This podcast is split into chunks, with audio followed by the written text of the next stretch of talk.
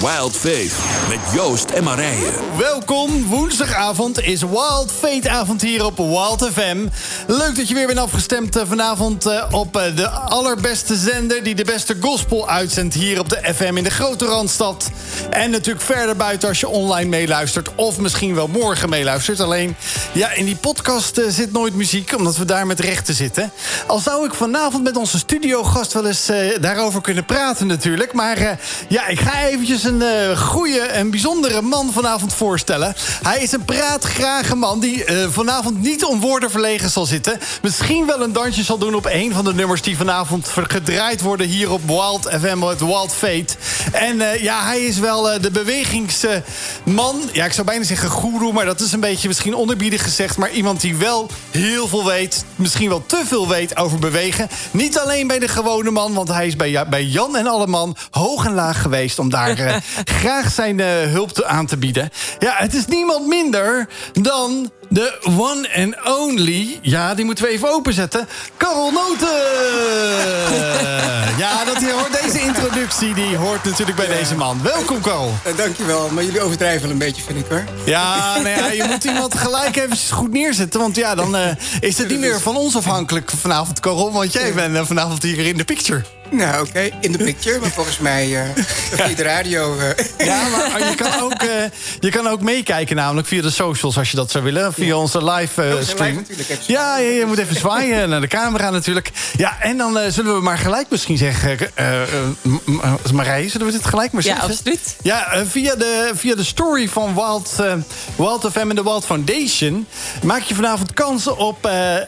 Karel zijn. is dat je nieuwste boek, Karel? Ja, het is mijn laatste boek, zeg maar. Eigenlijk is het een programma dus, uh, voor mensen met, uh, met long covid. Om te herstellen van long covid. Het is echt een, een leefstijlprogramma. Okay. Met uh, voeding, training en uitleg. ja. Nou, kijk eens aan. De, de, mocht je nou uh, zeggen... ik wil sowieso uh, nog fitter worden... maar ik heb misschien ook wel met die covid... Uh, ja, flink wat schade aan mijn lijf, aan mijn longen gehad... en ik wil daar graag weer van herstellen. Maak eventjes gebruik van die mogelijkheid. En volgens mij hoef je alleen maar je naam achter te laten, toch Marije? Ja, dus straks komt hij in de story te staan. Kijk. Um, mocht je nu al zeggen van... hey, ik wil het niet vergeten... stuur dan gewoon wel de fam op de Instagram een bericht. En zeg ik wil hem hebben... dan uh, zorgen wij ervoor dat jij op de lijst staat... van een van de mensen die wellicht kans maakt vanavond op CoronaFit. Ja, en uh, mocht je nou denken van ik wil, uh, ik wil niet wachten op die story... dan mag je dat vanavond ook nog tot tien uur via de WhatsApp natuurlijk doen. Via de studio. Maar je mag ook eventueel ook vragen stellen aan, uh, aan Carol... die, die wij dan aan hem gaan stellen vanavond. En dat kan je even doen door te whatsappen naar de studio van Wild. En dat is het nummer 0639392050. 0639392050. doe dat ook vooral, want ja, het is natuurlijk een unieke kans. Maar dat voor zover eventjes deze inleiding weer van een fantastische uh, woensdagavond die we tegemoet gaan. Want het tweede uur gaan wij een spliksplinter nieuw itempje doen, Marije. Ja, ik heb, er, ik heb er wel zin in. Ja, ik ook, ik ook. We moeten een beetje de verrassing erin houden. Dus blijf vooral lekker luisteren vanavond uh, tot het laatste moment. Maar ja, we beginnen zoals de luisteraar allicht weet... die vaker naar ons luistert hier uh, op Walt FM met Walt Fate. Met ja, het geluksmomentje wat we misschien afgelopen week... of vandaag nog wel hebben meegemaakt. Nou, dan beginnen we altijd maar bij de charmante, uh, geliefde collega... en de ena beste geklede presentatrice, zeg ik altijd, Carol. Want de beste is mijn vrouw. Maar ja, goed, dan moet, dat blijft altijd de ene beste. Dus daar maar vast bij. Je hebt weer vast iets bijzonders meegemaakt. Waar je dankbaar voor bent. Waar, je, ja, waar een beetje geluk uit is gekomen. Ja, nou, ik heb echt heel veel leuk werk in de komende tijd.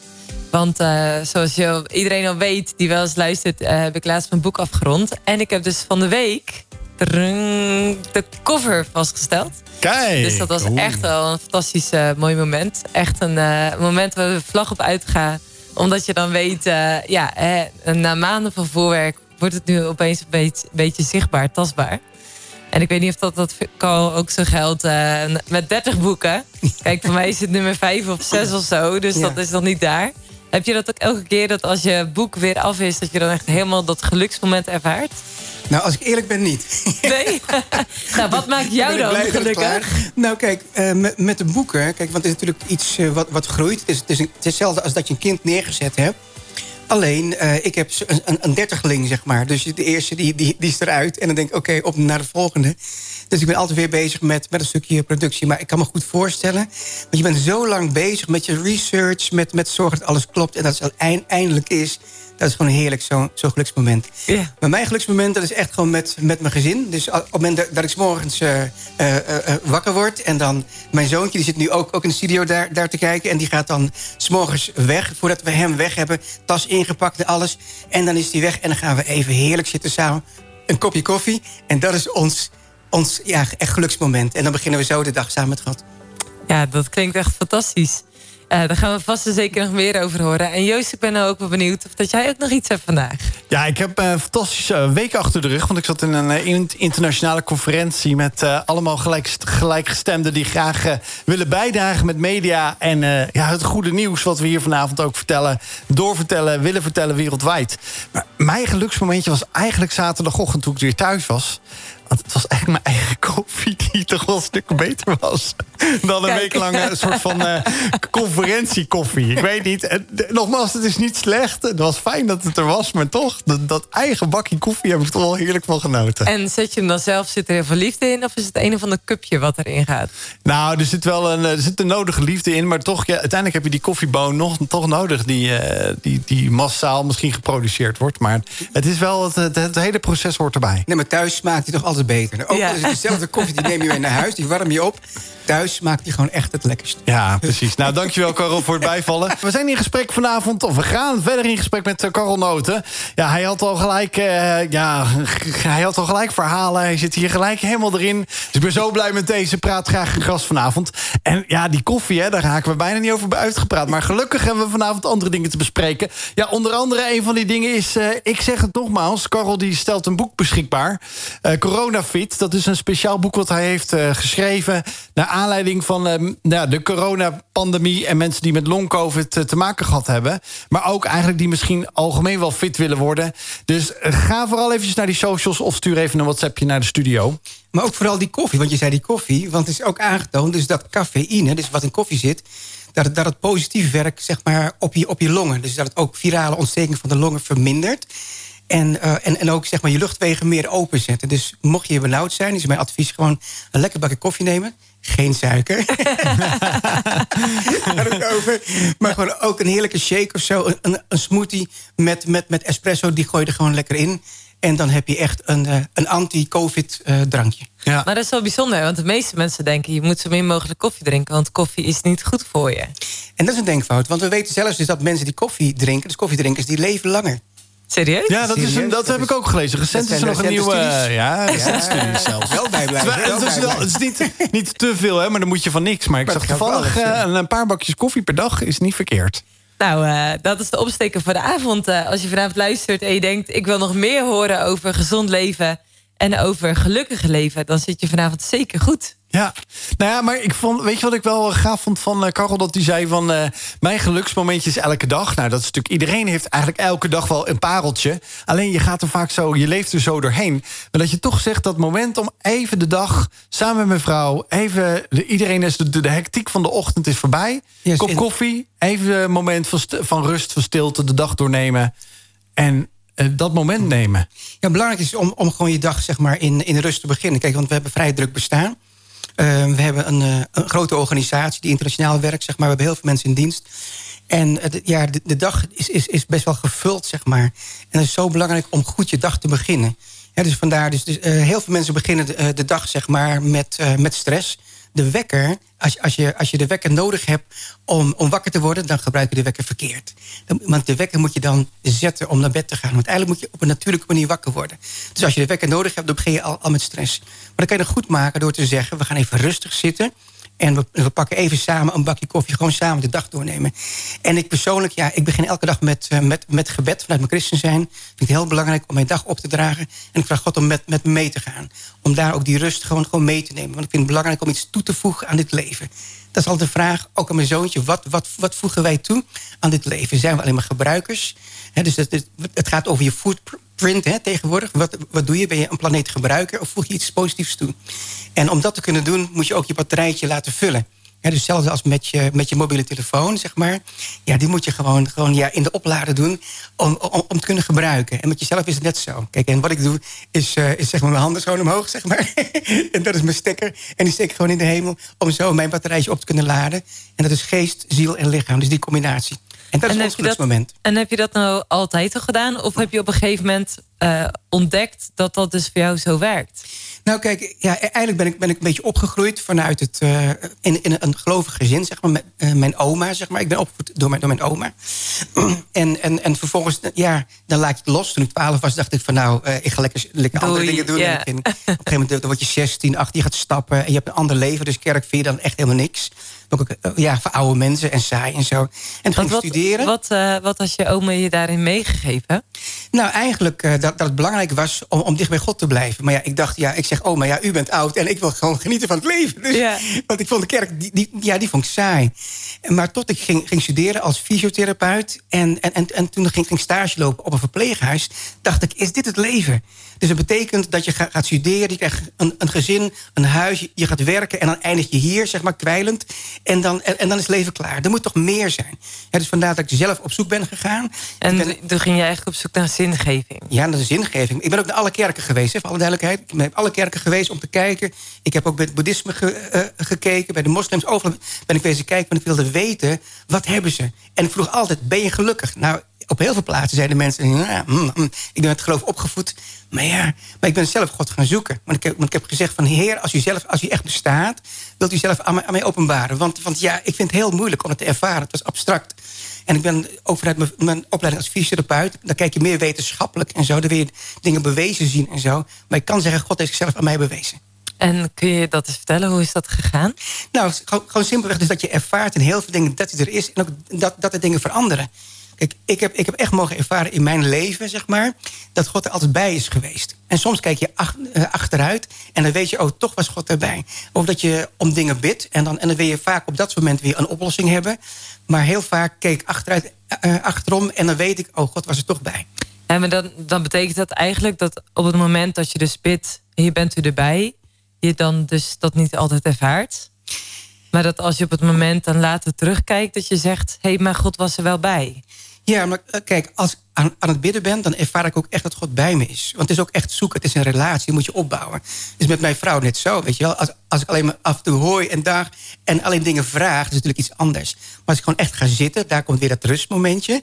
Dus dat, ik doe dat stille tijd, dat rustmomentje met God. En dan, en, en dan weet je gewoon, God is er. Dat weet je gewoon diep van binnen. Je weet dat je weet dat je weet. En ergens is dat dus tijdens je studieperiode... heb je die vraag gekregen van... ja, is dit het leven?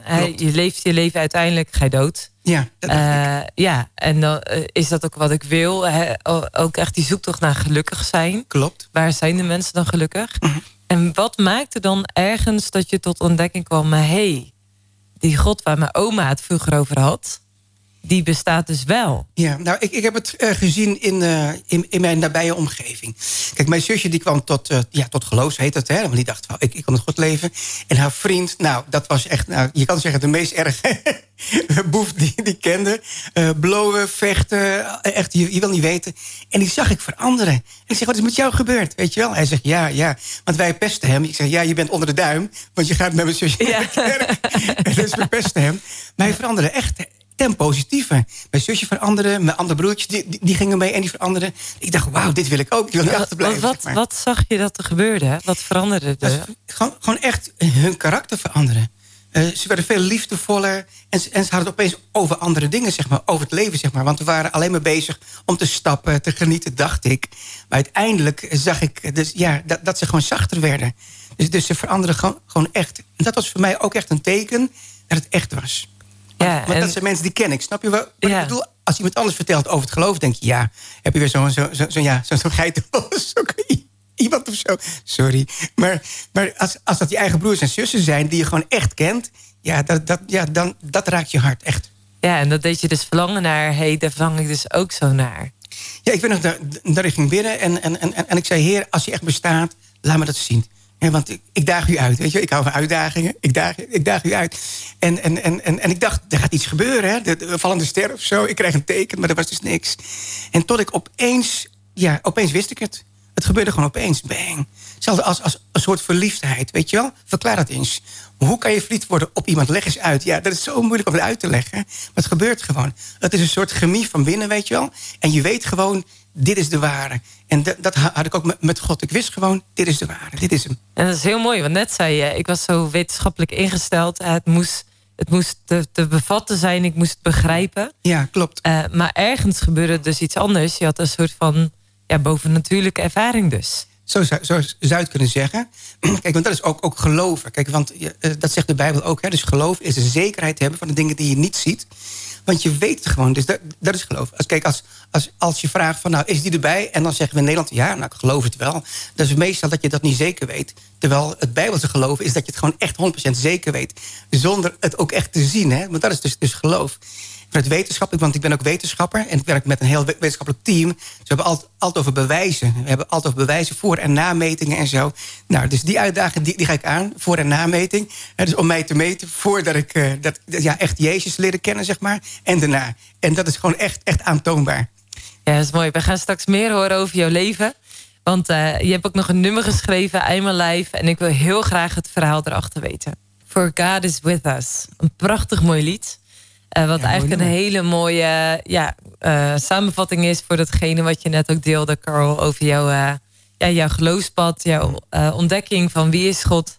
waarin je ook vertelde van ik heb ook echt een ervaring gehad en ik weet dat ik weet dat ik weet dat God bestaat. En in het begin deelde je even over dat je opgevoed bent of opgegroeid bent bij je oma.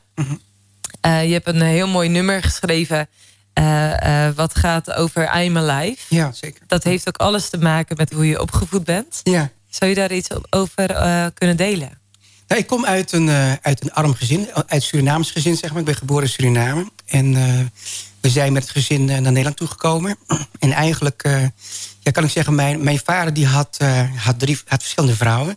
En mijn moeder was daar dan, dan één van. En met, verschillende kinderen. Dus ik, weet ook wat het is, zeg maar, om in een arm, uh, arme omgeving uh, op te groeien. Maar juist ook daar uh, hebben we geleerd om te bidden, zeg maar. Want daarom, mijn oma die was, was echt een gelovige vrouw. En, en, en ja, ik heb de nodige ellende meegemaakt. Dus daarom, dat, dat nummer zegt ook... I was born and raised in a poor, poor place. Maar het is juist, het gaat om I'm alive. Want, want ik heb het overleefd. En dat is ju juist zo mooi. Want, want eigenlijk gaat het dus niet om waar je vandaan komt. Het gaat om waar je eindigt. Dus, dus, dus juist alles wat, wat je meemaakt onderweg, dat vormt je. Daar gaat ook dit, dit nummer over. Dat, dat, ik, dat ik, ja, ik ben door diepe dalen heen geweest. Ook, ook in mijn leven, verschillende momenten. En het lijkt alsof ja, bijna elk vijf jaar of zo... dat er iets gebeurt in je leven. Maar dat je ziet dat het je vormt. Dat je daar ook niet bang voor bent. He, want, want kijk, niemand komt zonder kleerscheuren dit leven door. He, maar de vraag is, hoe kom je eruit? Beter of bitter? He, ik heb echt gekozen voor beter. Het is een keuze in je hoofd. Dus dat probeer ik ook altijd mee te geven. Want ik ben ook docent, zeg maar, in de fysiotherapie en in de revalidatie. En dan probeer ik ook daar mensen in op, op te voeden... in een stukje positieve coaching. Want je gaat door dingen heen. Ook, ook in mijn cursussen met mensen naar, naar kanker bijvoorbeeld. Er zijn heel veel mensen die zeggen... ja, waarom moest ik dit meemaken? Mm, je dus komt echt op een lijdenvraagstuk. Ja, waarom moest ik dit meemaken? En ik zeg, oké, maar waarom niet, zeg maar. Maar je bent er nog, het heeft je gevormd. En daarom is dat zo belangrijk. Dus dat je je afvraagt, hè, dus wat kan ik ervan leren? Want het is niet leuk. Kijk, als, als, net als dat, dat je krachttraining doet, zeg maar. Op dat moment, dan heb je pijn in je spieren, in je, in je lijf. Ja. Het is niet leuk. Maar je weet, ik word er beter van, ik word er sterker van. Je kan ook zeggen, ik stop ermee. Nou, dan bereik je dus, dus, dus niets. Het verschil natuurlijk met krachttraining of dingen die in je leven overkomen... is dat je voor krachttraining kiest. Ja. En je gaat zelf trainen. Je kunt de draaglast of de... Uh, kun je ook zelf bepalen. Je kunt je draagkracht ook echt uh, trainen door de draaglast soms te verhogen. Mhm. Maar er kunnen ook momenten in het leven zijn dat je echt merkt... maar de draaglast is me eigenlijk te zwaar. Ja, maar ik, ik vind het lastig. Maar ik kan eigenlijk zeggen, ik heb zoveel dingen meegemaakt... dat ik kan zeggen achteraf dat de draaglast nooit te zwaar is. Nooit. want want dat, dat geloof ik echt. Dat je niet meer krijgt dan dat je kunt dragen. Alleen is de vraag, want je wordt daar getest. Hoe kom je er, er doorheen? Want, want, want ik heb ook echt, echt mensen meegemaakt. Ja, ook, want ik had het net, net even over kanker. Een heel zwaar begrip. Hè? Ja. Mijn vader is overleden aan kanker. Dus ik weet wat het is. Mijn schoonmoeder is overleden aan kanker. Dus dat is mijn aller, allerergste vijand. maar de vraag is, wat, wat, wat doet het met je? Dus, dus hoe kan ik hier beter uit, uh, uitkomen? Hè? Want kijk, hetzelfde als, als dat, dat, dat mensen vaak zeggen... het overkomt mij, dan is de vraag... wat heb je eraan gedaan om het te voorkomen? Ook daar een stukje preventie. En want, want het is zo makkelijk om altijd de schuld buiten jezelf te plaatsen. Daarmee wil ik niet zeggen dat als dingen jou overkomen... dat je eigen schuld is. Daar wil ik ook echt vanaf. Want dat is die andere kant weer. Dat mensen zeggen van ja, ja, ja, ja... Uh, die dingen overkomen mij, want ik ben dit of dat. Hè? Dus, ja, soms is er causaliteit te, te wijten aan, aan dat er dus een bepaald gedrag is wat een, verhoogd risico uh, creëert. Ja, dus risicovol gedrag. Hè, met, met, mensen die roken. Ja. ja dus ik, had, ik, had, ik zat ook aan te denken. Ik, ik had een meneer, zeg maar, uh, toen ik het ziekenhuis werkte als fysiotherapeut. Die was heel boos. Ik sprak met hem, hem over God. En hij zegt, mij bestaat er geen, geen God, zegt hij. Want anders had ik geen kanker gehad. Ik, en ondertussen, ja, toen mocht je nog roken, zeg maar, in het ziekenhuis. En dan steekt hij een peuk op. Ik zei, zou het dan niet daar door kunnen komen, meneer? Weet je, want het is altijd iets buiten jezelf neerzetten. Maar waar, waar dit verhaal over gaat, want, want, want daar begon je over, dus over mijn leven. Want ik wil juist een, een, een positieve boodschap meegeven. Dat iedereen die kan er iets van maken. Ik kom uit een arm gezin. We hadden het moeilijk. En ik kom uit een allochtoon gezin. En het is zo makkelijk om te zeggen... ik word gediscrimineerd en ik word dit, ik word achtergesteld. Maar de vraag is, wat doe je eraan om beter te worden? En dus zorg ervoor dat je alles eruit haalt. Want iedereen heeft gaven en, en talenten. En Nederland is echt een land van de mogelijkheden. Iedereen kan, kan studeren. Iedereen kan zeggen van nou, ik zorg dat ik volgend jaar beter ben dan, dan dit jaar. Als ik terugkijk op mijn leven, kan ik zeggen... ik heb 26 opleidingen gedaan. Elk jaar studeer ik, want ik wil graag beter worden. Dat is, dat is mijn, mijn doel om iets positiefs toe te voegen aan dit leven. En wie is God daarin voor jou? Nou, kijk, ehm, ik zou niets doen zonder God. Kijk, want ik heb ook gezien dus dat ook ja, de blijdschap van, van het leven ja, dat, dat, dat zit hem niet in, in fame en in fortune. Ik heb zoveel mensen mogen begeleiden die rijk zijn. Uh, multimiljonair, miljardairs. Ik heb uh, mensen van, van, van de tv mogen begeleiden. Dus echt, echt sterren, internationals. Uh, in mijn bedrijf in Amerika heb ik mensen uit, uit Hollywood mogen begeleiden. En ik heb gezien dat daar het geluk niet in zit. Want daarom vraag ik altijd mensen... Ben je gelukkig? Vraag ik ook aan de luisteraar. Ben je gelukkig? En wat is er voor nodig om gelukkig te zijn? En heel vaak is het belangrijk dus dat je leert om je hart te volgen. Mijn vraag is, wat is jouw passie? Wat is jouw passie in je leven? Waarom ben je hier? En dat je daarna op zoek gaat. Want als, als, als het alleen maar geld is, zeg maar... Want, want geld kan je niet knuffelen. Wat, wat wij zeggen natuurlijk... Kijk, geld alleen maakt niet gelukkig. En dan zeggen mensen, ja, je hebt het makkelijk. Ik woon in een groot huis. Ik heb een grote organisatie, een groot bedrijf. We verdienen best veel geld. Dus dat, dat, dat zeg ik eerlijk. Maar ik heb gezien dat dat mij wordt, wordt toebedeeld om goede dingen te doen. Dus ik kan het doen om mezelf te verrijken. Dat betekent dat ik uiteindelijk bedrogen uitkom. Of ik kan, ik kan het gebruiken om andere mensen te helpen... en om goede, goede ja, dingen mee te doen. En dat is ook wat ik graag wil uitdragen. Dat is ook wel mooi wat je zegt. Van, uh, uh, we leven in een maatschappij, ik denk, denk Joost dat je dat ook wel herkent waar eh, het aantal volgers, de fame, de fortune waar je het over hebt, uh, soort van gebracht wordt als geluksboodschap. Ja, dat is het. Hè? Dat is het hoogste doel wat je kan bereiken in dit leven vandaag de dag is influencer worden. Ja, ja dat alle tieners en jongeren die, uh, als je vraagt wat wil je worden. Dat is de dat is de droombaan ja, van elke jongeren tegenwoordig. Ja. Want, ik heb toen een documentaire, volgens mij volg je me nog, gekeken. En er werd aan een paar tienermeisjes gevraagd van uh, wat zou je graag willen? En die zeiden van nou, ik zou graag influencer willen zijn. Want als je veel volgers hebt, dan voel je jezelf zekerder. Mhm. En eigenlijk is jouw conclusie bij al die mensen die dat dus allemaal hebben... Mhm. Ehm, is hun conclusie niet dat ze daar dus gelukkig van worden. Van... Als, als, iedereen een eerlijk verhaal neer zou zetten... dat zou het echt het mooiste zijn. Kijk, want er zijn vaker natuurlijk ook influencers... die zijn opgestaan en die zeggen van... ik zie het niet meer zitten, want elke dag moet je op de buren staan. Want eigenlijk... Oh, kijk, nu gaat de camera aan. Dus nee, want eigenlijk dan eh, alles wat je doet, daar staat de camera aan. En de vraag is of je daar gelukkiger van wordt. En, en eigenlijk sta je elk, elk, elk moment van de dag op het podium. En dan kan je toch niet helemaal jezelf zijn. Want het is toch een act wat je opvoert. Want sorry, niemand is, is elke dag vrolijk. En niemand is elke dag, voelt zich elke dag uh, op en top. En hey, weet je wel, te gek, we hebben hier weer iets. Dat is echt, ja, gefaked. Ja, ik, ik, moet, ik moet heel erg zeggen, dat viel mij laatst... Ik zag laatst ergens een krant. Een jongen van 23 heeft zijn eigen huis, heeft twee Ferrari... of een Ferrari en een Porsche. En uh, toen zei hij zelf ook in dat interview... dat vond ik, nou ja, dat gaat over inderdaad... wat geef je door en wat, wat, wat hou je voor jezelf... wat geef je door. En hij zegt, ja, ik, mensen, de volgers zijn zo gewend dat ik inderdaad... Ochtends vroeg al, nog voordat die wekker afgaat... of als die wekker afgaat, me kunnen zien. En toen zegt hij, toen was het een keer awkward. Want er was echt best wel een heftige familiesituatie. Volgens mij een overlijden. En toen had ik die camera in mijn hand. En ik ben gaan filmen. En toch vond ik dat niet fijn. Weet je wel? Dat je denkt van, dit is te, te, te, dichtbij, te close. En ook zijn ouders hebben hem daar eigenlijk op aangesproken. Van, uh, is dit nu nodig nu? Ja, maar de mensen willen weten wat er in mijn leven speelt. Dan denk ik, nou, dat is nog wel een hele... een hoge uh, prijs die je betaalt. Ja, een, ja, een hele hoge prijs die je betaalt. Ja. En dan ook wel de druk, want de volgers verwachten dan iets. Ja. En je moet dus wel leveren. En je moet ook wel hun tevreden houden. Dus in hoeverre ben je dan zelf wie je bent? Of word je gemaakt door wat je denkt dat de mensen van je verwachten? Maar ik denk persoonlijk dat iedereen een influencer is. Dat je, als je daar bewust van bent. De vraag is, wie ga je dan beïnvloeden op een positieve manier? Want ouders die, die zijn influencers van hun kinderen. Dus dat is ook vaak waar, waar ik met ouders over praat. Besef je wel dat hoe, hoe jullie met elkaar omgaan, vader en moeder... wat voor effect dat heeft op, op de kinderen, zeg maar. Want, want, want wat, wat worden hun normen en waarden? Wat is een normaal gezin? Is dus, ja, je denkt dat waar je vanuit komt, vandaan komt... dat dat dus normaal is, wat je hebt gezien bij je eigen vader en moeder docenten, ik hoop dat er echt docenten dat die luisteren op dit moment. Ja. Dat die beseffen ook dat zij ook influencers zijn. Ja. want ik weet ook, sommige mensen zeggen van ja, ik laat dat vak vallen, want ik vond die docent niet leuk. He, maar juist een stukje passie overbrengen. want ik heb een passie voor, voor biologie, omdat ook, ik had een hele goede leraar biologie. En ik had daarnaast ook een passie voor geschiedenis. En, want ik had ook een hele goede, goede leraar die kon passie overbrengen. Als dat nou kan, dat je ook, ook, ook kinderen leert om weer hun eigen passie te ontdekken. En wat het is om gepassioneerd ergens over te zijn. En om ergens voor te gaan.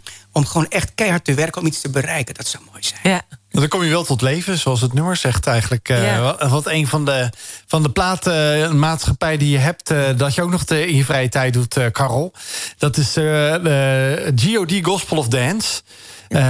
Ja, voor, voor mij is het een vorm van, van therapie, zeg maar. Oh, heerlijk. Want, want, want, ja, ja, maar, want, want ik, schrijf, ik schrijf mijn emotie van, van me af. Ik, ik ben een schrijver, daarom schrijf ik ook mijn boeken. Ik schrijf muziek. Uh, ik schrijf, uh, uh, hoe heet dat, opleidingsmodules schrijf ik. En ik hou van schrijven, want ik wil graag een verhaal vertellen. Iets positiefs toevoegen. En ook de nummers die ik schrijf, die zijn allemaal autobiografisch. En deze zeker, want die gaat echt, echt over mijn leven.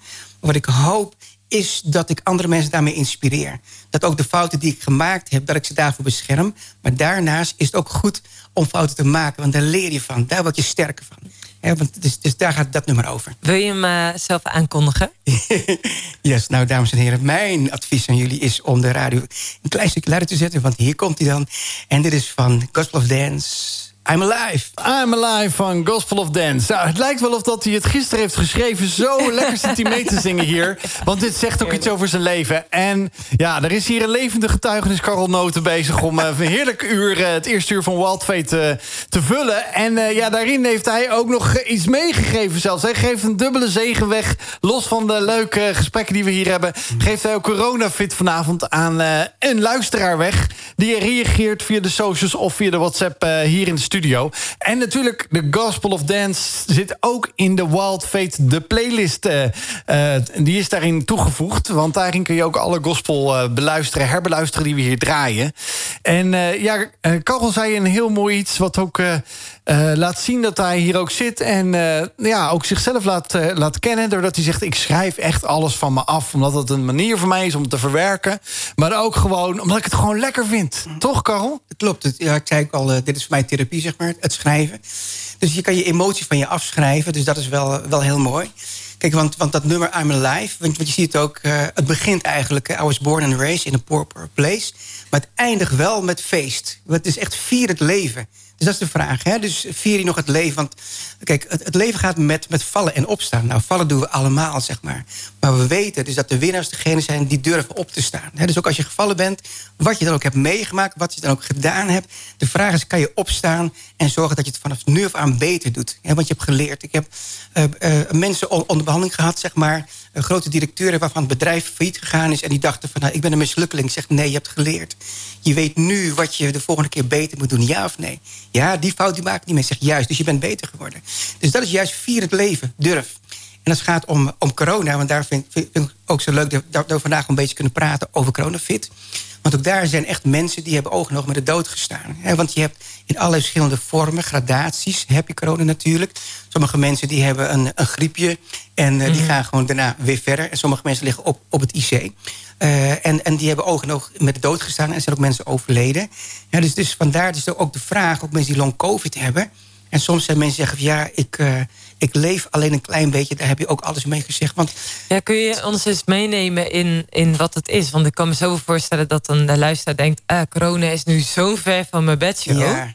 En, en al dat long-covid-verhaal, uh, daar hoor je toch helemaal niks meer over? Nee, dat kun is... Je, kun je ons eens meenemen in wat, wat is dat? En, en wat betekent dat voor de levens van mensen? Kijk, ik kan me dat goed voorstellen. Kijk, we hebben natuurlijk in die lockdown gezeten... en eigenlijk is alles weer eh, open. Dus we, we, willen het achter ons laten. We denken, nou, het is niet meer en we gaan gewoon feest vieren. Nou, dat is de ene kant van het verhaal. De andere kant is zo dat, we, dat het er nog steeds is. Ik vergelijk het een beetje met een oorlog wat, wat geweest is. Dat je denkt, die oorlog die is voorbij.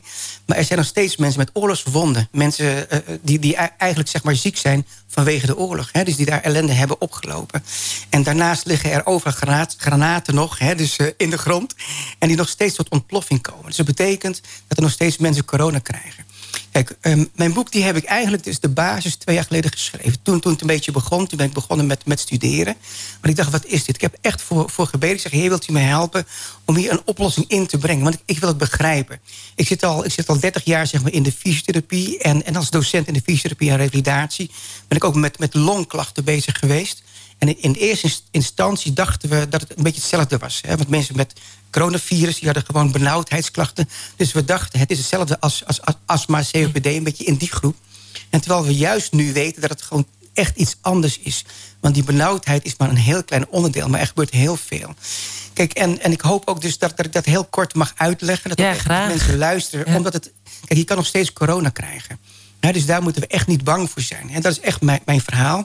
Kijk, want, want uh, kijk, uh, toen het begon twee jaar geleden heb ik ook aangegeven...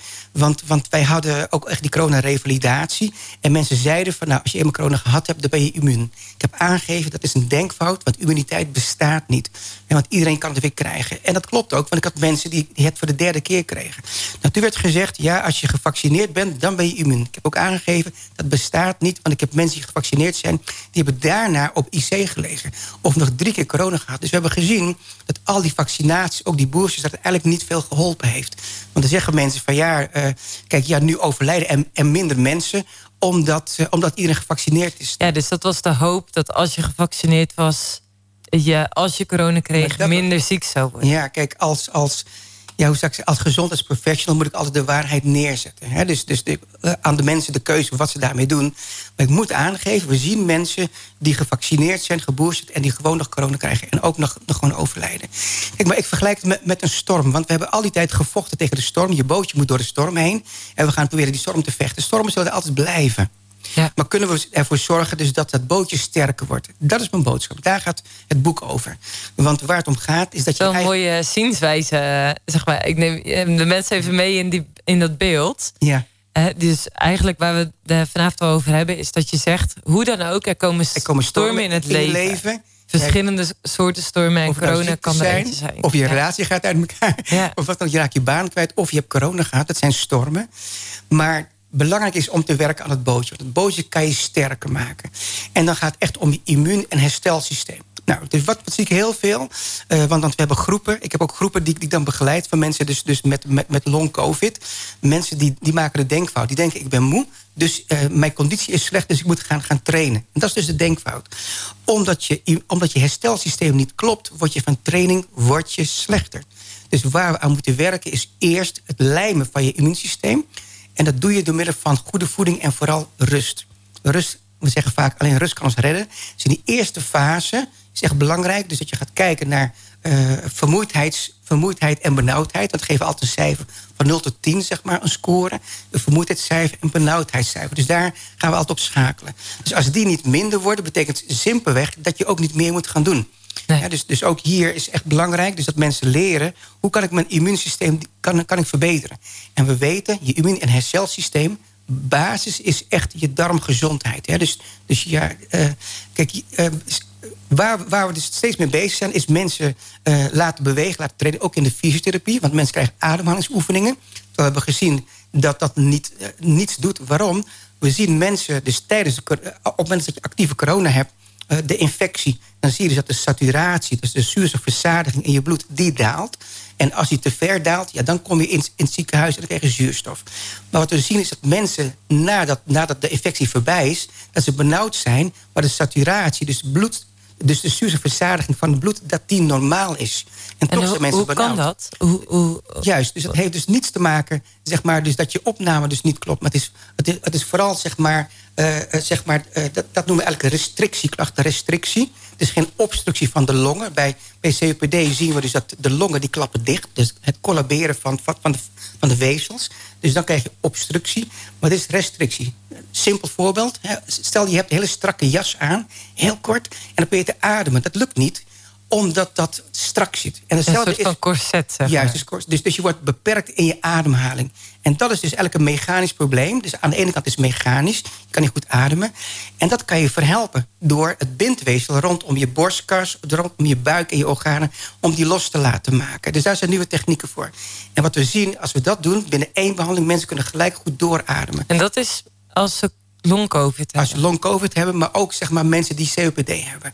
Want dan kan je makkelijker ademen. Ja, dus het ademcomfort die neemt dan toe door dat los te maken. Want als je zeg maar niet goed kan doorademen en je gaat dan sporten... je wordt, je wordt beperkt in je ademhalingsbeweging. Je middenrif, je diafragma die zit vast. Je ribben zitten vast, dus je kan niet goed ademen. En dat veroorzaakt juist benauwdheid. Dus als het eerst losgemaakt wordt...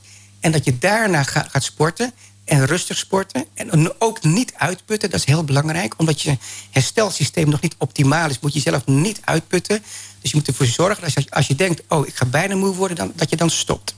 En het, is wel, het is wel heel mooi. Dus uh, ik, ik ben aan het processen wat je allemaal vertelt. uh, en ik denk in, uh, in plaatjes. Ik ben zelf in 2018 heel ziek geweest. ik heb dan daarna heel lang hersteltraject gehad. En waar je mensen eigenlijk toe uitnodigt... is om echt te voelen wat ze voelen. Als je moe bent, moet je niet jezelf uit gaan putten door te gaan sporten. Maar je moet ook herstellen en ruimte geven aan herstel. En er zijn dus verschillende facetten die daarin belangrijk zijn. Je zegt enerzijds moet je je immuunsysteem opbouwen. Wat samenhangt met je voeding. En je moet goede begeleiding krijgen. Uh, maar dus er kan ook al een sleutel liggen dus in het losmaken van het uh, bindweefsel rondom je longen. Ja, dus dat is zeg maar wat, wat wij noemen het mechanisch probleem, zeg maar. Dus dat zit echt, echt eromheen. Dat is gewoon bindweefsel. Ja. dus en, en de spieren die kunnen losgemaakt worden. Maar wat je net zei, was eigenlijk ook je, je immuunsysteem... Dus door middel, uh, boosten door middel van, van voeding. Dus door middel van goede voeding. En dan gaat het om de dingen die je doet en de dingen die je laat. Dus eigenlijk weten we dus dat je dus meer ontstekingen hebt in je lijf het moment dat je dus uh, geraffineerde suikers eet, hè, rood vlees. Dat zijn echt dingen die, moet, die, moeten we echt schrappen. We weten ook uh, koeienmelk, hè, dus zuivel, dat dat ook je darmevenwicht verstoort. Hè, dus dat heel veel mensen daarover gevoelig voor zijn. Hè, dus ook een lactose-intolerantie. En dus dat zijn de dingen die je moet laten. Maar daarnaast is het echt belangrijk hè, dus dat je ook goede dingen gaat, gaat eten... die ervoor zorgen dus dat de hoeveelheid en de verscheidenheid van de positieve bacteriën in je darmen, dat die toe gaat nemen. Dus de hoeveelheid en de verscheidenheid, dus de diversiteit van die bacteriën. Dus dat doe je dus door goede bacteriën toe te voegen. Dus dat noemen we probiotica. Ja, dus, dus eigenlijk bij ons start iedereen gewoon met gebruik van probiotica. En inmiddels zijn er heel veel studies die dat aanbevelen. Die hebben aangetoond dat mensen na long covid... dat die, dat die verbeteren op het moment dat ze probiotica gaan, gaan gebruiken. En daarnaast hebben dus die goede bacteriën hebben voeding nodig. Dus dat noem je prebiotica. En wat eten ze? Vooral vezels. Hè? Dus er zitten in, in groente en fruit zitten vezels. En tegenwoordig heb je een combinatie uh, capsules en, en, en, tabletten... waarbij je pre- en probiotica hebt. Positief. Maar het is wel de, wel de basis. Is daar een beetje draagvlak voor? Nou, steeds meer. Kijk, ja, elke ja, uh, iedereen die een beetje voeding gestudeerd heeft, zeg maar, die zegt ja, de, logisch toch? Dus ja, ja, ja, ja. ik, weet, ik weet er ook veel van. Ja. Maar ik merk echt dat, dat bijna dat heel veel mensen dit soort dingen nog niet weten. Dus ik ben heel blij dat je erover komt ja, klopt. vertellen. Ik ben ook zeg maar ortomoleculaire voedingstherapeut. En ik, ik heb me daarin in verdiept. Waarom? Omdat we hebben gezien dat alleen training, dat maakt mensen stuk, zeg maar. Het gaat altijd om de combinatie van training en voeding elke bodybuilder weet, als je je lichaam wil opbouwen... dan heb je daar eiwitten bij nodig. Dan is je voeding is daar de basis. Als, als ik mijn huis wil, verbouwen... Dan, dan, dan, dan vraag ik aan de aannemer om, om dat te verbouwen... en dan vraag ik wanneer begin je? Hij zou altijd zeggen, eerst mijn materialen. Dan pas begint hij met de verbouwing. Dus daarom ook het sporten, het trainen. Eerst je voeding, je, je pre-workout shakes, eerst je voeding en dan pas komt, komt de training. En het is belangrijk, zeker ook als je, als je verzwakt bent. Ja, want uh, ik denk dat als mensen echt long covid hebben gehad... dat ze nu moe zijn van, van mij gepraat. Ja, dat uh, gaat meestal wel heel snel. Dus, uh. je, hebt die, je, hebt die, je, hebt die fysieke vermoeidheid en die mentale vermoeidheid. Ja. Wat we zien is dat mensen heel de sneller herstellen... van die fysieke vermoeidheid dan van die mentale vermoeidheid. Maar wat niet verteld wordt, is dus dat je hersenfunctie ja, die, ja, die heeft eigenlijk zeg maar, stoffen nodig. Dat noem je neurotransmitters. En heel veel van die neurotransmitters die worden, die worden eigenlijk geproduceerd... door de positieve bacterie in je darmen. Ja, dus dit is echt gewoon de reden als je zegt... ik heb zelf te maken met long covid... of ik ken iemand die long covid heeft... ga dan naar onze Instagram... en uh, geef gewoon aan dat je een boek wil ontvangen...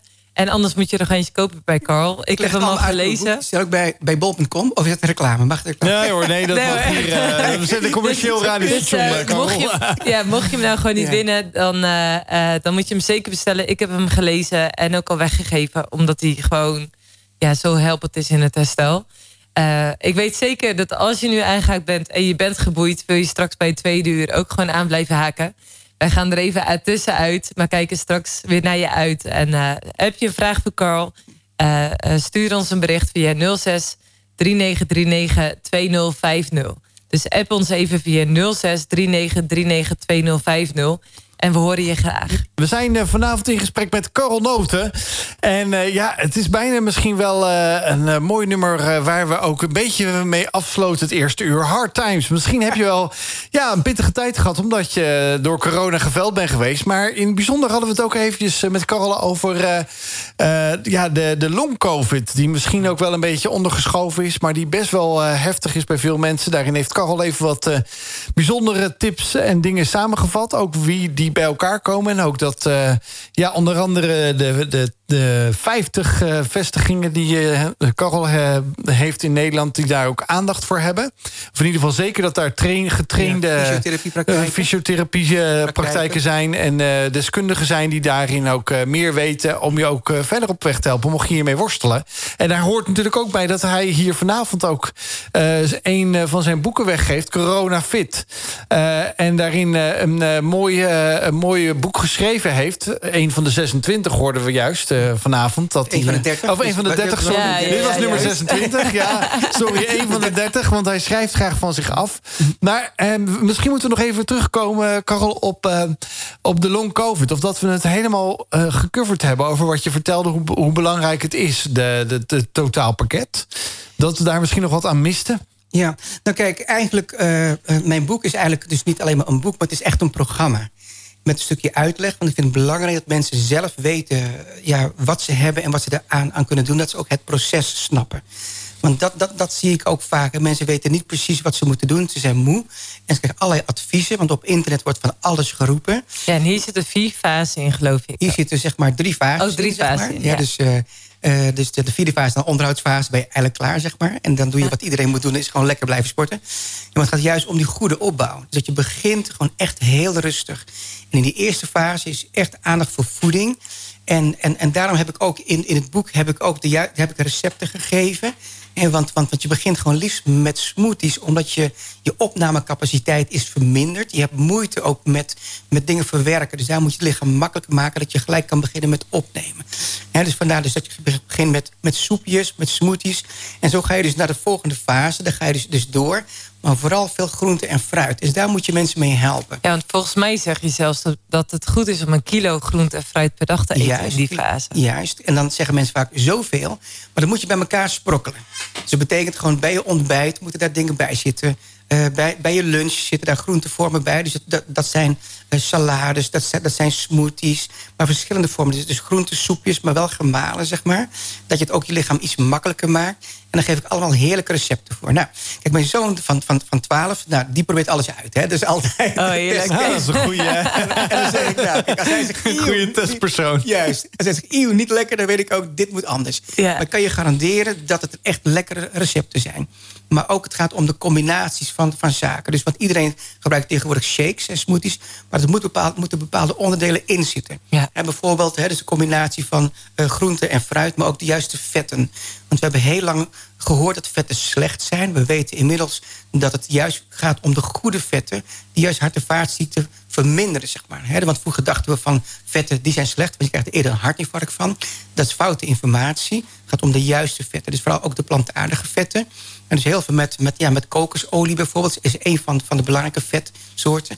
Dus ook als ik het hierover heb, over, over uh, koffie... cappuccino, nou, mijn, mijn, echt, mijn favoriet is, eh, is ja, cocochino, zeg maar. Dus wat je dus doet, is, is, is gewoon kokosmelk opschuimen... en die gewoon in je koffie gooien. Dus dan heb je een cocochino. Dus dan heb je een, uh, een cappuccino, zeg maar, een cocochino... wat ook gelijk ontstekingsremmend werkt en antiviraal is. En wat je gezondheid boost. Dus zo heb ik heel veel uh, recepten gegeven, tips om dingen te doen. Maar ook in training. Dus je krijgt oefeningen voor thuis. Wat kan ik daar zelf aan doen? Dus het begint met ademhalingsoefeningen. Maar eigenlijk dus niet gewoon om om, om, ja, van ik moet ademhalingsoefeningen doen. Maar om het bindweefsel rondom je borst en je buik op te rekken. Ja, dus je moet dan uh, zeg maar je, bijvoorbeeld je armen uitstrekken als je ligt. Juist, en dan ook ademen. Ja. Aan één kant om je ribben open te ademen. Ja. Bijvoorbeeld, zeg maar. Dus om je diafragma, om die te releasen. Als je zo lang ziek geweest bent, echt op bed gelegen hebt... dagen op bed gelegen hebt, en ook darmkrampen... dan gaat alles verkleven. Dus dat moet je weer los gaan maken. En ook die training, wat we dus doen... we noemen dat fascia fitness. Dus je bindweefsel ga je oprekken met fitnessapparaten. Ja, en voor mensen die niet weten wat die fascia zijn? Ja, fascia, je zou kunnen zeggen bindweefsel. Want, want bindweefsel zit om je spieren, om je botstukken en om je organen. Dus, dus dat noemen we dan tegenwoordig fascia. Want vroeger dachten we dat is weefsel wat alleen maar alles verbindt. We weten nu dat, dat het centrale weefsel van je lichaam is. Wat heel belangrijk is. Maar die moet je wel soepel maken. Want er zijn lagen die gaan verkleven anders. Ja, het zorgt er eigenlijk voor dat je aan elkaar blijft hangen. Juist, die, die houden alles bij elkaar, zeg maar. Ja, dus dat is het tentzeil van, van, van je tent. Je botstukken, dat zijn zeg, de tentstokken. En de scheerlijnen die alles opspannen, dat zijn dus je spieren. En zo hoort het in, in evenwicht te zijn. Dus je ziet ook dus dat, dat als dat een beetje ingeklapt is... dan kan je heel moeilijk bewegen. Dus ook het trainen is in eerste instantie gericht op meer bewegingsvrijheid in je lichaam. Dus het is niet uitputten. want vaak tegenwoordig doet iedereen hittraining, high intensity. Ja, dat is pas in, in de derde fase kan je dingen gaan doen. Maar de eerste fase, je ziet dus als je intensiteit te hoog ligt... dat je lichaam uitput, terwijl je herstelsysteem het nog niet goed doet. Dus dat betekent simpelweg met de rustige training... met juist oefeningen om je lichaam losser te maken, open te maken... dat dat juist positief werkt. In combinatie met goede voeding. Dus echt goed voor je lichaam zorgen. Ja. Nou ja, als je dit zo aan het vertellen bent... Hè, dat laat ook de complexiteit zien van het lichaam. Ja. Uh, het feit dat je een fantastisch mooi vak hebt... Mhm. maar ook dat er dus zo'n gigantisch mooi ontwerp zit ook in hoe het lichaam gemaakt is. Nou, 100 procent. Ik bedoel, ik, uh, ik zeg te, uh, altijd tegen mijn studenten... ik ben dichter bij God gekomen toen ik anatomie ben gaan doen. Want, want eigenlijk uh, verbaast het ons dat, wanneer mensen ziek worden. Maar als je ziet hoe ingenieus het lichaam in elkaar zit... dan verbaast me dat, dat het bij zoveel mensen goed gaat. Ja. En ook, kijk, want, want stel nou, je, je hebt een auto. Wij mensen hebben auto's uit, uitgevonden. Wat gebeurt er? Die auto die slijt. Je gebruikt het slijt. Wat zien we bij, bij mensen? Ja, het lichaam heeft een zelfherstellend vermogen. En dat is uniek. Ja. Ik, ik ben nog geen auto tegengekomen die dat heeft. Nee. En ook dat hij zichzelf kan, kan, kan vermenigvuldigen. En dat de volgende versie beter is dan de vorige, zeg maar. Dat automatisch gaat. Ja, dat is wel zinnig, ja. Ja, dat is echt geweldig, ja. zo, zo scheurde ik me nier. En uh, lag ik op de operatietafel. En ging de arts dus een drain plaatsen tussen mijn nier en mijn blaas. En hij zei, je lichaam doet de rest. Oké. Ik hoef helemaal niks te doen. nee, maar hetzelfde geldt toch voor als je een wond hebt of zo? Ik bedoel, maar even een sneetje. Ik bedoel, het, soms bij de ene duurt het wat langer dan bij de ander... maar uiteindelijk geneest het helemaal. Bedoel, het lichaam heeft een zelfherstellend vermogen. Ja. Kijk, en dat is waar ik, waar ik altijd tegen vecht. Ik noem dat heel oneerbiedig, sorry hoor. De medische criminaliteit. Want heel veel medicatie die gaat juist het zelfherstellend vermogen gaat dit afremmen. Want je krijgt bijvoorbeeld ontstekingsremmers. Als stel je, je hebt uh, een scheurtje, zeg maar. Het lichaam herstelt door middel van ontstekingen ontsteking is een natuurlijk herstelproces. Dus dat betekent ontstekingen dempen met, met medicatie... Dan, dan rem je ook het herstel van het weefsel. Dus weefsel dat wordt altijd zwakker. Terwijl, als je, als je dat met natuurlijke middelen doet... Dan, dat noemen we ontstekingsmodulatie. Want je moet ontsteking moet je moduleren, maar niet, niet remmen, zeg maar. Dus dan zie je dus dat het ontsteking nog steeds kan plaatsvinden dat ook herstel zeg maar, op een goede manier plaatsvindt. En wat is zo'n middel wat een ontsteking dan moduleert? Nou, wat dacht je van gewoon gember? Gewoon heerlijk. Gember en kurkuma. Hey Joost, Joost jij was laatst dat jij last van je stem. Mhm. En uh, nou ja, wij hadden een uh, bedrijfsuitje van Wel de Fem. En dus onderweg terug in de auto was dat virus dus overgedwarreld naar mij, die dus aan de andere kant. Uh, Check. Ja. dus, en ik dacht echt, stem, jij hebt echt geen stem met de radio. Dus ik dacht echt, oh man, om daar dus vanaf te komen, heb ik dus echt dagenlang alleen maar gemberthee met honing gedronken. Perfect toch? Om, uh, om die ontsteking tegen Ja, maar wat ik hoorde van bijvoorbeeld. Ja, ja, maar bijvoorbeeld honing. Ik hoorde ook de kracht van honing. Ook bijvoorbeeld als je pollen uh, hebt, dat je eigenlijk als je last hebt van hooikoorts, dat je honing moet eten van plaatselijke, van plaatselijke bijen. Dus Juist, plaatselijke dat is honing. belangrijk, plaatselijk. Ja, plaatselijk, ja. Omdat daar zeg maar ook stoffen in de lucht zitten. Juist. Kijk, kijk, kijk we, uh, we maken gebruik, want daarom zeggen we ook, we gaan plantaardig eten. Ja, dus, dus, dus daar zit, zitten bijvoorbeeld uh, salvestrolen, noem je dat? En dat zijn hoe noem, stoffen. Hoe noem je dat? Salvestrolen. Ja. Dus denk aan salvation, aan redding. Hè? Ja, salvestronen, ja. ja. En uh, dus, dus de, eigenlijk zeg maar uh, planten die gaan stoffen produceren... Die hun, die hun helpen om te overleven. En die stoffen die gebruiken we. En daarom is plantaardige voeding zo belangrijk. En daarom is, maar wat echt belangrijk is, dat je er wel verse producten hebt. Want als groente slap is, dan weet je dat het gewoon uitgewerkt is. Als wat ouder is, dan is het uitgewerkt. Dus vandaar ook, want dit soort dingen leg ik allemaal uit in mijn boek. Wat heel belangrijk is bijvoorbeeld, dat als, als, je, als je fruit pakt voor de smoothies... het advies is om fris fruit te nemen.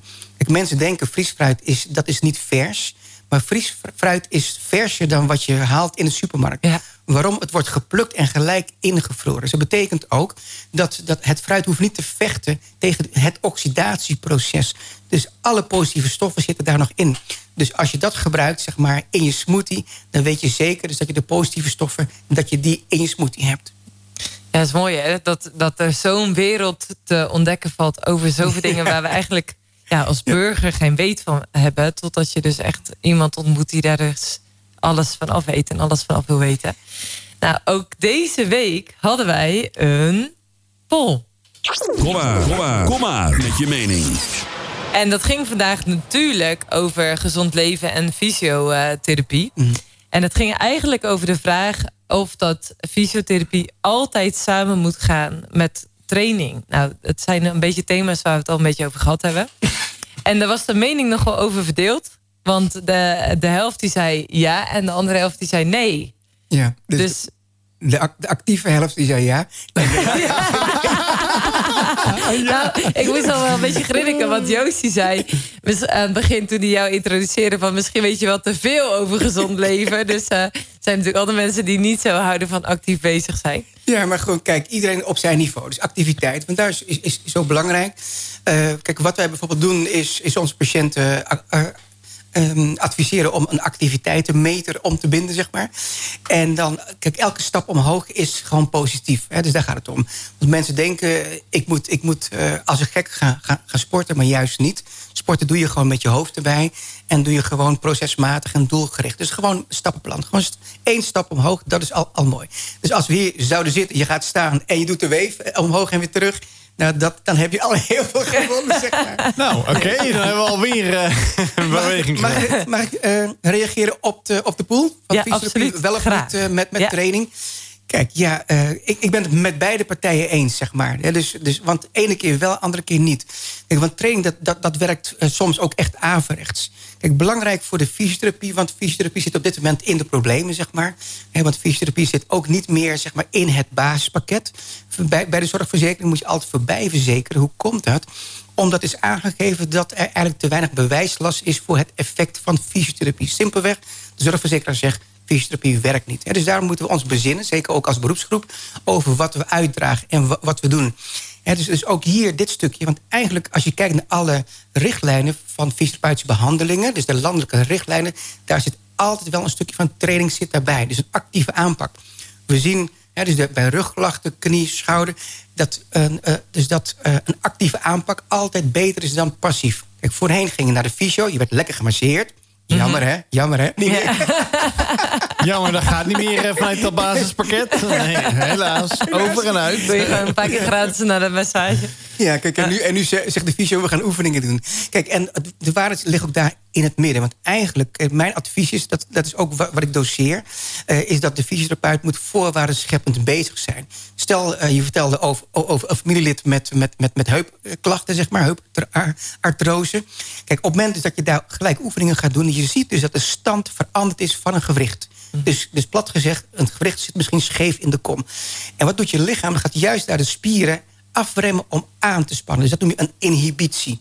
Dus maar het is geen krachtvermindering en ook geen stabiliteitsvermindering. Maar die spieren worden juist geremd, want aanspanning van die spieren, dat geeft schade. Dus wat kan de fysiotherapeut doen? Die moet eigenlijk de stand corrigeren. Dus dat doe je met, met manuele technieken. Dan ga je eerst ervoor zorgen dus dat die knie en, en die heup goed beweegt. Want het hoort altijd bij elkaar. Heup en knie hoort bij elkaar. En onderrug, zeg maar, dat goed beweegt. En als iemand pijnloos beweegt, dat, dan pas ben je klaar voor training. Dus dat, is de, dat noemen we de mechanische kant. En daarnaast zie je ook die metabole kant. Want het lichaam moet gaan herstellen. Dus daarom is voeding zo belangrijk in combinatie met die training. Dus vandaar dus dat we altijd werken met het vetprincipe. Als je mijn boeken leest, die gaan altijd over het vetprincipe. Want, want vet heb je nodig. Dat is voeding, de V van voeding. De E van educatie en de T van training. En die, die, die horen bij elkaar. Dus je hebt voeding en training en daar in het midden zit educatie. Want je moet, je moet zelf weten wat je moet doen en waarom. dus dat, dat noemen we dan self-management. Dat is wat we ook als fysiotherapeut worden geacht zeg maar, om mensen daarin te bevorderen in, self-management. Dus als je weet wat je zelf moet doen. Kijk, en, en we zien dus bij die corona, waar gaat het mis? Waarom? Kijk, want heel vaak, want ja, zeg ik echt tegen mijn, mijn collega's... als ik mensen in de zaal heb zitten, fysiotherapeuten... zeg ik, wij fysiotherapeuten, of eigenlijk zeg ik jullie... Ja. veroorzaken long-covid. Want je ziet dus dat omdat mensen uit die covid komen... en, en hun herstelsysteem klopt niet. Als je te snel actief wordt, dus ook gaat trainen, gaat, gaat sporten... Dan, dan word je slechter. Dan gaat, dus het ziekteproces wordt verlengd daardoor. Dus we moeten kijken naar wat gaat herstelbevorderend werken. Nou, heb je een goed immuun- en herstelsysteem... ja, dan werkt training altijd positief. En dan zie je dat je verschillende vormen van training hebt. Want krachttraining is wel heel belangrijk. Omdat je, als je spieren kracht moeten zetten... dan gaan ze groeihormonen produceren dus want we zeggen spieren, spieren zijn secretieorganen. Een secreet is een uitscheiding. Dus ze gaan hormonen gaan, gaan ze uitscheiden. Maar ook zeg maar virusblokkers bijvoorbeeld. En wat, waarvoor heb je die groeihormonen nodig? Voor herstel van alle weefsels. Van alle weefsels? Van alle weefsels. Dus, dus maar dit, zijn toch, dit zijn toch baanbrekende uh, inzichten... die dus iedereen nodig heeft? Iedereen nodig heeft? Iedereen nodig heeft, dat klopt. Kijk, want, want zeker, want je ziet, naarmate je ouder wordt... dan neemt je jouw productie, je stammenproductie aan groeihormoon neemt af. En daardoor komt degeneratie. En door training krijg je regeneratie. Maar wat zien we? Dat mensen denken bijvoorbeeld... als ze gaan naar een sportschool... iedereen is met hoge intensiteit bezig, fietsen, fietsen, fietsen. Want ze denken, ik moet vetten verbranden. Als je voeding niet klopt en je hebt hoge intensiteit training... ga je juist je spieren, die ga je afbreken. Want je gaat, je gaat spieren en orgaan eiwit, die ga je afbreken... en omzetten in glucose, in brandstof. Dus dat noemen we dan de gluconeogenesis voor de liefhebbers. Ja. Die hadden we nog niet gehoord vanavond. hoe noemde je dat? De gluconeogenesis. Dus dat is een nieuwe vorming van glucose uit ja, eiwitten. eiwitten. Zeg maar, waardoor je dus eigenlijk roofbouw pleegt op je lijf. Je breekt je lijf af. Ja. En dan denken ze van, oh, ik ben goed bezig... want ik ben hard aan het trainen. Maar het gaat er juist om dus dat je de juiste training doet. En dus als je krachttraining doet combinatie met ook natuurlijk voldoende eiwitten. Dat is, dat, dat is belangrijk. Dus dat je ook je eiwitten daar in de omgeving hebt. Ja. Nou, we weten, wij eiwitten die helpen heel veel met die, met die opbouw. En vooral met leucine erin. Leucine is een BCAA. En dat Wat is dat? Een, een BCAA, zeg maar. Een BCAA. Ja. en dus dat is zeg maar ja, ja, korte keten eiwitten, zeg maar. dus, uh, maar, dat, maar dat stimuleert de opbouw van, van spierenweefsel. En waar zit dat bijvoorbeeld in? Nou, dus ja, eigenlijk gewoon in, uh, in wei, poeder, zeg maar. Dus, dus wat, wat je doet is gewoon wat, wat de bodybuilders gebruiken. Want, want die weten wel hoe je spiermassa moet aanmaken. Dus we moeten leren, ook als therapeuten, van bodybuilders. Want wat je wil doen is herstelbevordering. En daarom weet de bodybuilder wel hoe je dat moet doen. Dus, want we hebben de beschikking over 100 jaar, 100 jaar uh, wetenschap over training, zeg maar. Dus dat verwerk ik ook steeds in mijn boeken. En daarnaast laat ik ook zien in de praktijk hoe het werkt. Want we moeten werken aan de regeneratie. Dus ook zeg maar, stel je moeder is, uh, is 70, die heeft juist meer krachttraining nodig. Waarom? Want daardoor krijgt ze meer energie. Dat bevordert juist ook zeg maar, de signalering in de cellen. Je wordt actiever. Je, je wordt jonger. Nou, het is echt heel grappig. Ik heb mijn moeder ooit meegenomen naar Londen. Mm Naar een collegeconferentie. En daar was Joyce Meyer. En Joyce Meyer die vertelde dat haar therapeut had gezegd... op haar 67ste dat mhm. ze dus moest gaan uh, krachttrainen. Juist. krachttraining moest gaan doen. Mhm. En dat was het enige wat mijn moeder onthouden had... van die hele conferentie, als ze er nu aan terugdenkt, jaren later. En zij is dus sinds kort begonnen met krachttraining. En merkt dus ook dat het haar zo goed doet. Ja. Uh, en uh, nou ja, ik kom van de boerderij. Mijn moeder heeft altijd enorm hard gewerkt. Werkt nog steeds enorm hard. Maar dat is iets anders. Uh, de hele dag bezig zijn en druk zijn. wel genoeg stappen zetten, maar geen krachttraining. Maar dat is dus gerichte training. Want mensen denken, ik ben al zo moe. Ja. En dan moet ik gaan, gaan trainen. Maar juist, want daar zie je dus dat krachttraining is maar heel kort. Want je hebt een gewicht wat je misschien net aan zes tot hooguit acht keer kan herhalen. En heb je spieruitputting. En dat doet al heel veel. En dan heb je eigenlijk maar vier oefeningen nodig, zes oefeningen. Want elk, elke oefening is zeg maar, ja, werk positief. Dus in een half uur tijd kan je gewoon je, je, je lichaam goed trainen en je lichaam boosten. Dus je kan liever vaker trainen, kort, dan, dan ja, één keer heel lang. Het is een mooie manier om uh, emoties uh, te laten gaan of juist uh, te weg te schrijven. En ja, zoals, ik, al, zoals we al geïntroduceerd hebben in onze opening... Ja, we gaan een nieuw item proberen deze, deze, uh, ja, deze week. En het moet een keer ervan komen, want uh, ja, we zijn er al maanden over aan het denken. Ja, ja, ja, ja, ja. Want uh, ja, wij gaan graag met, met onze gast altijd op, op avontuur. En ja, dat doen we eigenlijk gewoon een beetje door, door een nieuw introductietje te doen. En dat is deze week de tijdmachine. En wat is dat nou eigenlijk? Nou, we willen graag de, de gast die we hebben hier in de studio... die gaan we meenemen naar een bijbelverhaal... Uh, wat hij of zij altijd uh, ja, interessant vindt. En dan hopen we natuurlijk dat hij daar of uh, beeldend bij gaat vertellen... wat we daar gaan meemaken en ook ja, wat, wat we daar te zien krijgen natuurlijk. Nou, en dat begint uiteindelijk allemaal een beetje met een, met, een, met een deur... die we natuurlijk moeten open doen hier in de studio van de tijdmachine. Dus dat gaan we nu even doen. Die is nu geopend. En we gaan ons klaarmaken, Carol. Want jij hebt de daadwerkelijke echte première. Om je klaar te maken. Ladies and gentlemen. Are you ready? Nou, volgens mij zijn we er klaar voor. Want uh, wij gaan uh, namelijk uh, aftellen. Want we gaan namelijk naar... Het moment uit de Bijbel, Oud of Nieuw Testament... wat Carol op dit moment heel graag met ons wil delen. Ah. Nou, en daar zijn we dan. Uh, Carol, die deur die gaat uh, weer open. En uh, daar zijn we. En daar staat hij dan. Waar staan we? Die kleine David, die staat hij dan. Hij komt net aangelopen. En hij dacht, ik kom gewoon eten brengen voor mijn broers. Want hij is klein. Zijn broers mochten in het leger en hij niet. Want hij was verstoten was een buitenechtelijk kind en telde eigenlijk niet mee. En zijn broers hadden een hekel aan hem en toch kwam hij brood brengen. En hij komt daar aan en er staat dan zo'n grote reus... en die staat te schelden en te bulderen. En hij beledigt de God van Israël. En eigenlijk David denkt, waarom doet niemand iets? En hij kijkt naar zijn broers en hij zegt, waarom doet niemand iets? Waarom valt niemand hem aan? Hoe kan het nou dat er zo groot een, een reus staat... en die kan jullie beledigen en jullie doen niets? En David die snapt dat niet. En die broers zeggen, wie denk jij wel niet dat je bent? En waarom vind ik dit verhaal zo mooi? Omdat juist zoveel mensen die denken dat ze niets kunnen... omdat ze uitgaan, eh, dat ze afgaan op wat andere mensen over ze zeggen. Of dat ze denken, ik tel niet mee, ik ben te klein, ik ben niet sterk genoeg. Maar David was een held. Want waarom was hij sterk? Want hij zei, ik ben misschien klein... maar ik weet dat God met me is. En daarom voelde hij zich krachtig om zijn hemelse vader die achter hem staat. Dus daarom is dat zo belangrijk. Dat voor mij is het een verhaal wat me steeds weer ontroert. Dat eigenlijk die grote broers die dachten van ik ben sterk, die gingen in eigen kracht. Want die hadden ook panzer aan en die hadden uh, wapens... en die hadden zwaarde schilden. En uh, David zei nee, ik, ik ga met mijn slinger. Die kwam met iets heel kleins aan. Dus eigenlijk, het lijkt misschien onbenullig. En dat is ook waar ik van heb mogen leren. Misschien heb je iets heel kleins. Misschien heb je maar hele kleine talenten in, jou, in jouw gevoel, eh, voor jouw gevoel en in jouw beleving. Maar God kan er grote dingen mee doen. Want het gaat dus niet om wat jij kunt, maar het gaat erom als je het gebruikt wat je in je hebt, dan gaan er grote dingen gebeuren. En dat je durft om uit te stappen. Dat je durft om stoer te zijn. Be bold, be strong, zeggen we dan. Dus durf om sterk te zijn, om stoer te zijn. Dat is David. Dankjewel uh, voor deze geweldige, beeldende uh, belevenis hier in deze tijdmachine, Carl. Ja. Ik vind het mooi dat je dit deelt. Ja, en... dat is ook als je, als je kijkt, uh, David, David Joyce, ik even, even verklappen. Hè, want je ziet ook bij mijn nummers van Gospel of Dance. En dan zie je staan bij David Joy, dus dat is stiekem mijn artiestennaam, hè, dus niet verder vertellen.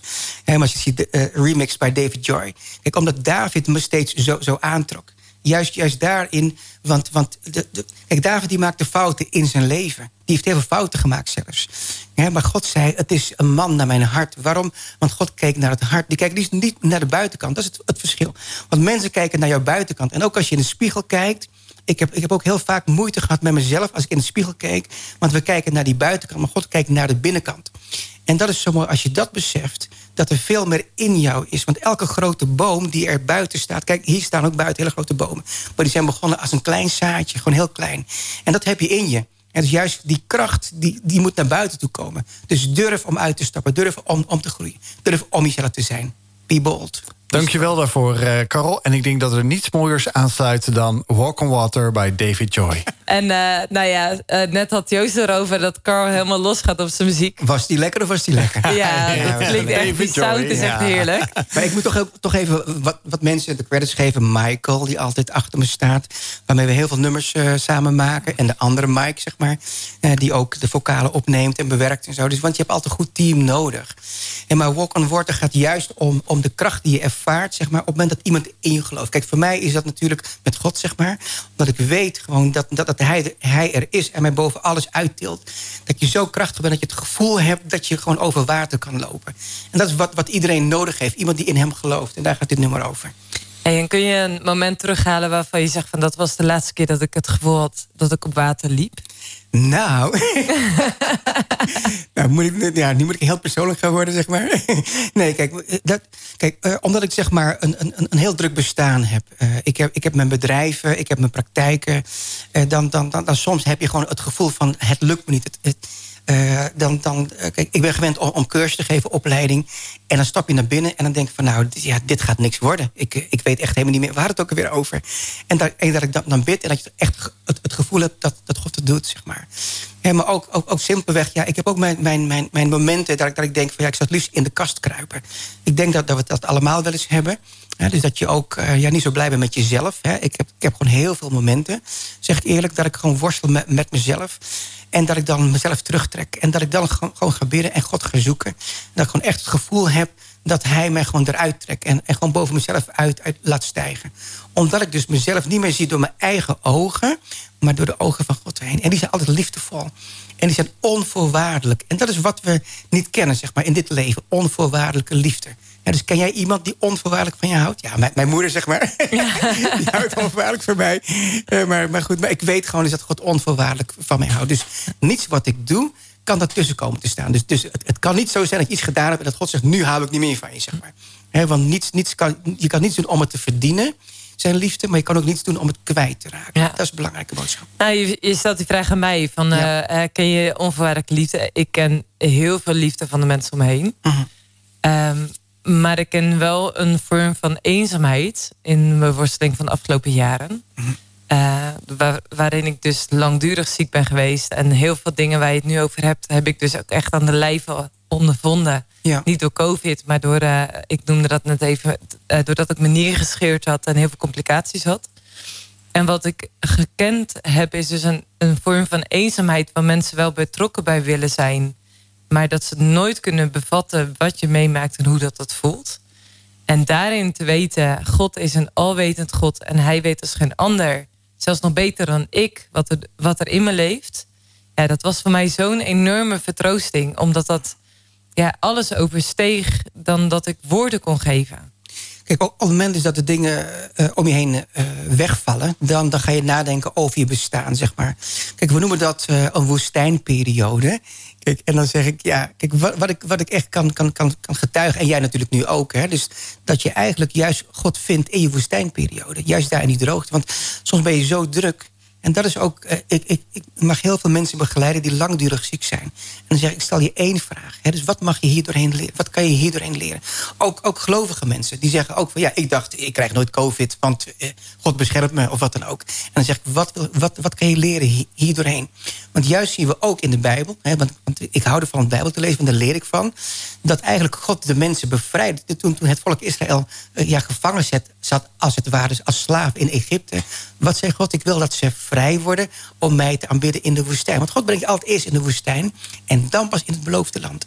Ja, dus als je dat wil lezen, dat is het uh, einde van het eerste boek van de Bijbel, Genesis en Exodus. Ja, Exodus ja. Lees je dus over de uittocht vanuit Egypte. Mm En dat was een lange reis door de woestijn heen. Maar het is juist, kijk, kom je in het beloofde land, dan is het goed om daar aan te komen met bepaalde eigenschappen. Dat zie ik ook bij mensen die succesvol willen zijn. Kijk, je ziet een groot verschil tussen mensen die van een op de andere dag multimiljonair geworden zijn, of die daarvoor geklokt hebben om daar te komen. Want je hebt bepaalde dingen geleerd waardoor je ook succes aan kunt. En daarom zien we, dat, dat zie ik ook bij, bij, bij profvoetballers. Ik heb heel veel jonge profvoetballers mogen begeleiden. Die opeens hele hoge salarissen krijgen. En die eigenlijk een beetje de weg kwijtraken. De andere kant heb ik gezien mensen die juist gezwoegd hebben. En dan miljonair geworden zijn. Die komen daar met bepaalde eigenschappen aan. Dus vandaar dat je ziet dus dat, je, dat het juist goed is om eerst door die woestijn te gaan. En dan het beloofde land in, in te gaan. En, en wat is dan dat set aan eigenschappen wat je dan leert? Nou, je leert sowieso dankbaarheid. Ja, dus dat is ook iets, uh, leer ik mijn zoontje ook. Hè, want die wil graag, graag uh, bijvoorbeeld een nieuwe laptop hebben. Zeg, nou, is mooi. Maar je gaat er eerst voor werken. En dan ga ik bijleggen, zeg maar. Dan gaat het er echt wel anders mee om. want je ziet ook hè, dus dat, dat, dat mensen anders met geld omgaan... die er hard voor geknokt hebben om dan iets op te bouwen... dan dat, dat ze het gekregen hebben, zeg maar. Dat is toch anders. Want je weet hoe het aanvoelt. Dus zeker ook als, als je geknot hebt om sterker te worden... want dat is wat jij gedaan hebt. Want je bent door dingen heen gegaan. En jij schrijft nu, want dat is juist zo mooi... want dat is dus de rijkdom die jij gekregen hebt in die woestijnperiode. Want daar schrijf je over. Je bent coach. En wat is er nou nog mooier dan als coach zelf de dingen heen gegaan zijn? Dus dat, dat je kan zeggen, bin done that. Want ik wil zo graag, als ik door, door een, een heen moet dan heb ik liever iemand die dan door het oerwoud heen gegaan is... al tien keer, dan iemand die het alleen bestudeerd heeft. Dat is vaak mijn probleem met, met psychologen. Dat ik zeg van ja, ja, het is leuk, je kent uit het boekje... maar je bent zelf nergens doorheen gegaan. Dus de jonge mensen. En terwijl mijn oma, 93, dat was de beste psycholoog... die heeft zoveel dingen meegemaakt. En die zegt, jongen, denk daar en daar om. En één ding heeft ze mij geleerd... en dat is genieten van het leven. Zeg, het is zo om, dus geniet ervan het is wel mooi, want wat, dat wat je beschrijft uh, is eigenlijk ook wat Prediker uh, schrijft. Dat is een Bijbelboek. Uh, dat binnen, wordt binnen de filosofie ook echt bestudeerd, omdat het gewoon zo filosofisch krachtig is. Iemand die dus alles heeft en de wereld aanschouwt en ziet. eigenlijk zijn heel veel dingen slechts najagen van de, van de lucht. Ja. Het is er nu, het is daarna weg. en die prediker, degene die dat geschreven heeft, heeft ook echt wel bijzondere conclusies eigenlijk die hij trekt over het leven. Ja, kijk, daar begint ook mijn boek mee. Dus, dus alle boeken die ik geschreven heb, die, die, ik zeg altijd, ze zijn gewrapt in, in de Bijbel. Want de eerste pagina gaat altijd, zeg maar, begin met een Bijbeltekst en de laatste pagina ook weer. Want ik wil juist God de eer geven. Daar, daar zit zoveel wijsheid in. En dus de eerste pagina zegt: een mens kan niets beters doen dan genieten van eten en drinken. Daar hou ik van. Surinaamse cultuur. Ja, lekker eten en lekker drinken. Bij al het werk dat hij doet toen realiseerde ik mij dat ook dat genoegen afkomstig is uit de hand van God. Dus als je dat beseft, hè, want, want ja, ik mag mezelf ja, ook, ook ja, officieel miljonair noemen, zeg maar. Maar ik, ik, ik besef dat alles wat ik heb, dat het komt uit de hand van God. Dus dan ga je met dankbaarheid door het leven. Want elke dag buig ik mijn knieën. Dus dankbaarheid. En dat probeer ik ook mijn zoontje mee te geven. Dat, het, dat niets is vanzelfsprekend. Je kan alles kwijtraken. Maar zo belangrijk om te leren om dankbaar te zijn daar waar je bent.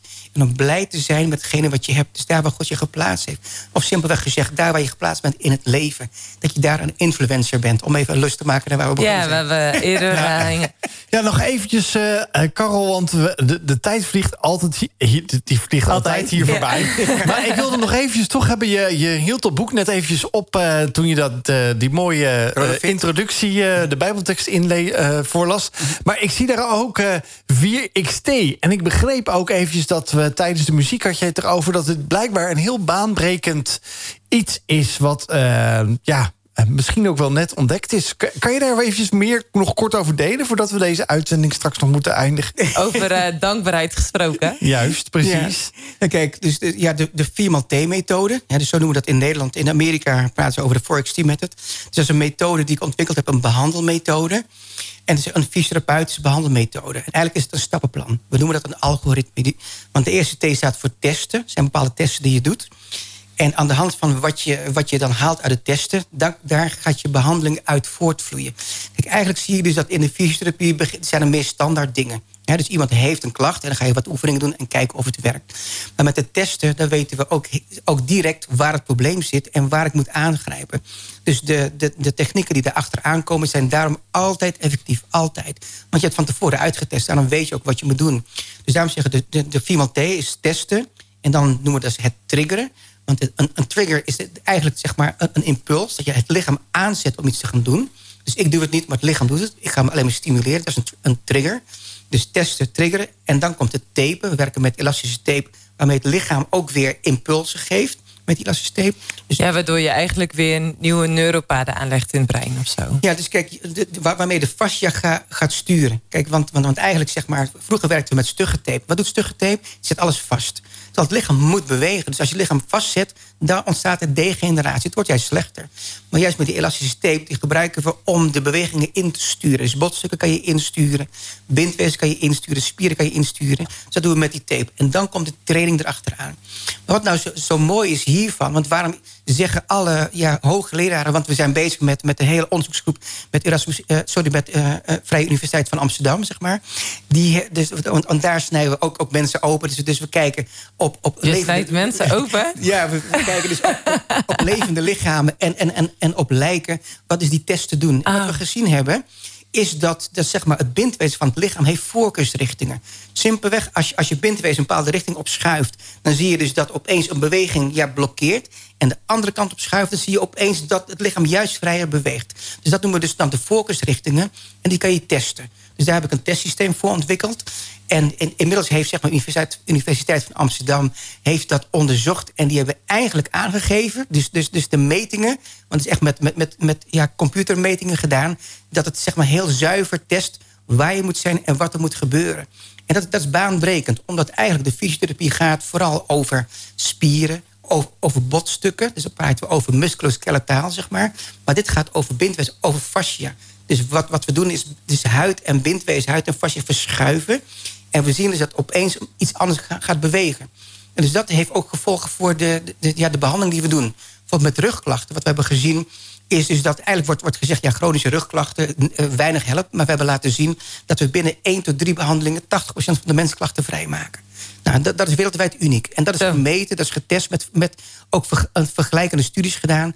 En er komen heel veel studies aan. Dus we zijn nu bezig ook met, met, met publicaties. En er zijn twee hoogleraren bij betrokken van Vrije Universiteit van Amsterdam. En het echt goede mensen met ook een onderzoeksteam. Onder, onder, zeg maar onder, ja, samen met, met, met Robert. Hè, dus die ook bij ons heel veel studies begeleidt. En die publicaties die zijn internationale publicaties dat wordt nu al aangegeven. Dus dat dat ook echt ja, de wereld gaat, gaat veranderen. Echt zowel de, de, de medische wereld als de fysiotherapeutische wereld. Ja, dus die uh, 4KT-methode uh, staat voor testen, triggeren, tapen, tapen en, trainen. trainen Juist, maar, dat is de laatste. ja. ja. En wat, wat is je... We zijn echt al uh, uh, aan het rappen, zeg maar, aan, aan het einde. Wat ik is voel je, hem, ik voel hem. Wat is je, wat is je droom voor... Ja. Mijn droom is, is, is, ja, iedereen gelukkig en gezond. Dat, dat, dat is mijn droom. Ja, dus vandaar ook met, met Gospel of Dance, wat ik daarbij doe. Kijk, als iedereen gaat dansen en gelukkig is... dat is de positieve boodschap van de dans, is Gospel of Dance. Want ik ben, ik ben ja, opgegroeid als kleine jongen. In, in, eigenlijk in de armoede. Ik heb ellende meegemaakt. En ik dacht, wat zou het mooiste zijn als iedereen gelukkig zou zijn en blij zou zijn. En dat is ook waarom ik fysiotherapie ben gaan studeren. Simpelweg om mensen te kunnen helpen. En dat is mijn droom. Nogmaals, om iedereen blij en gelukkig te zien.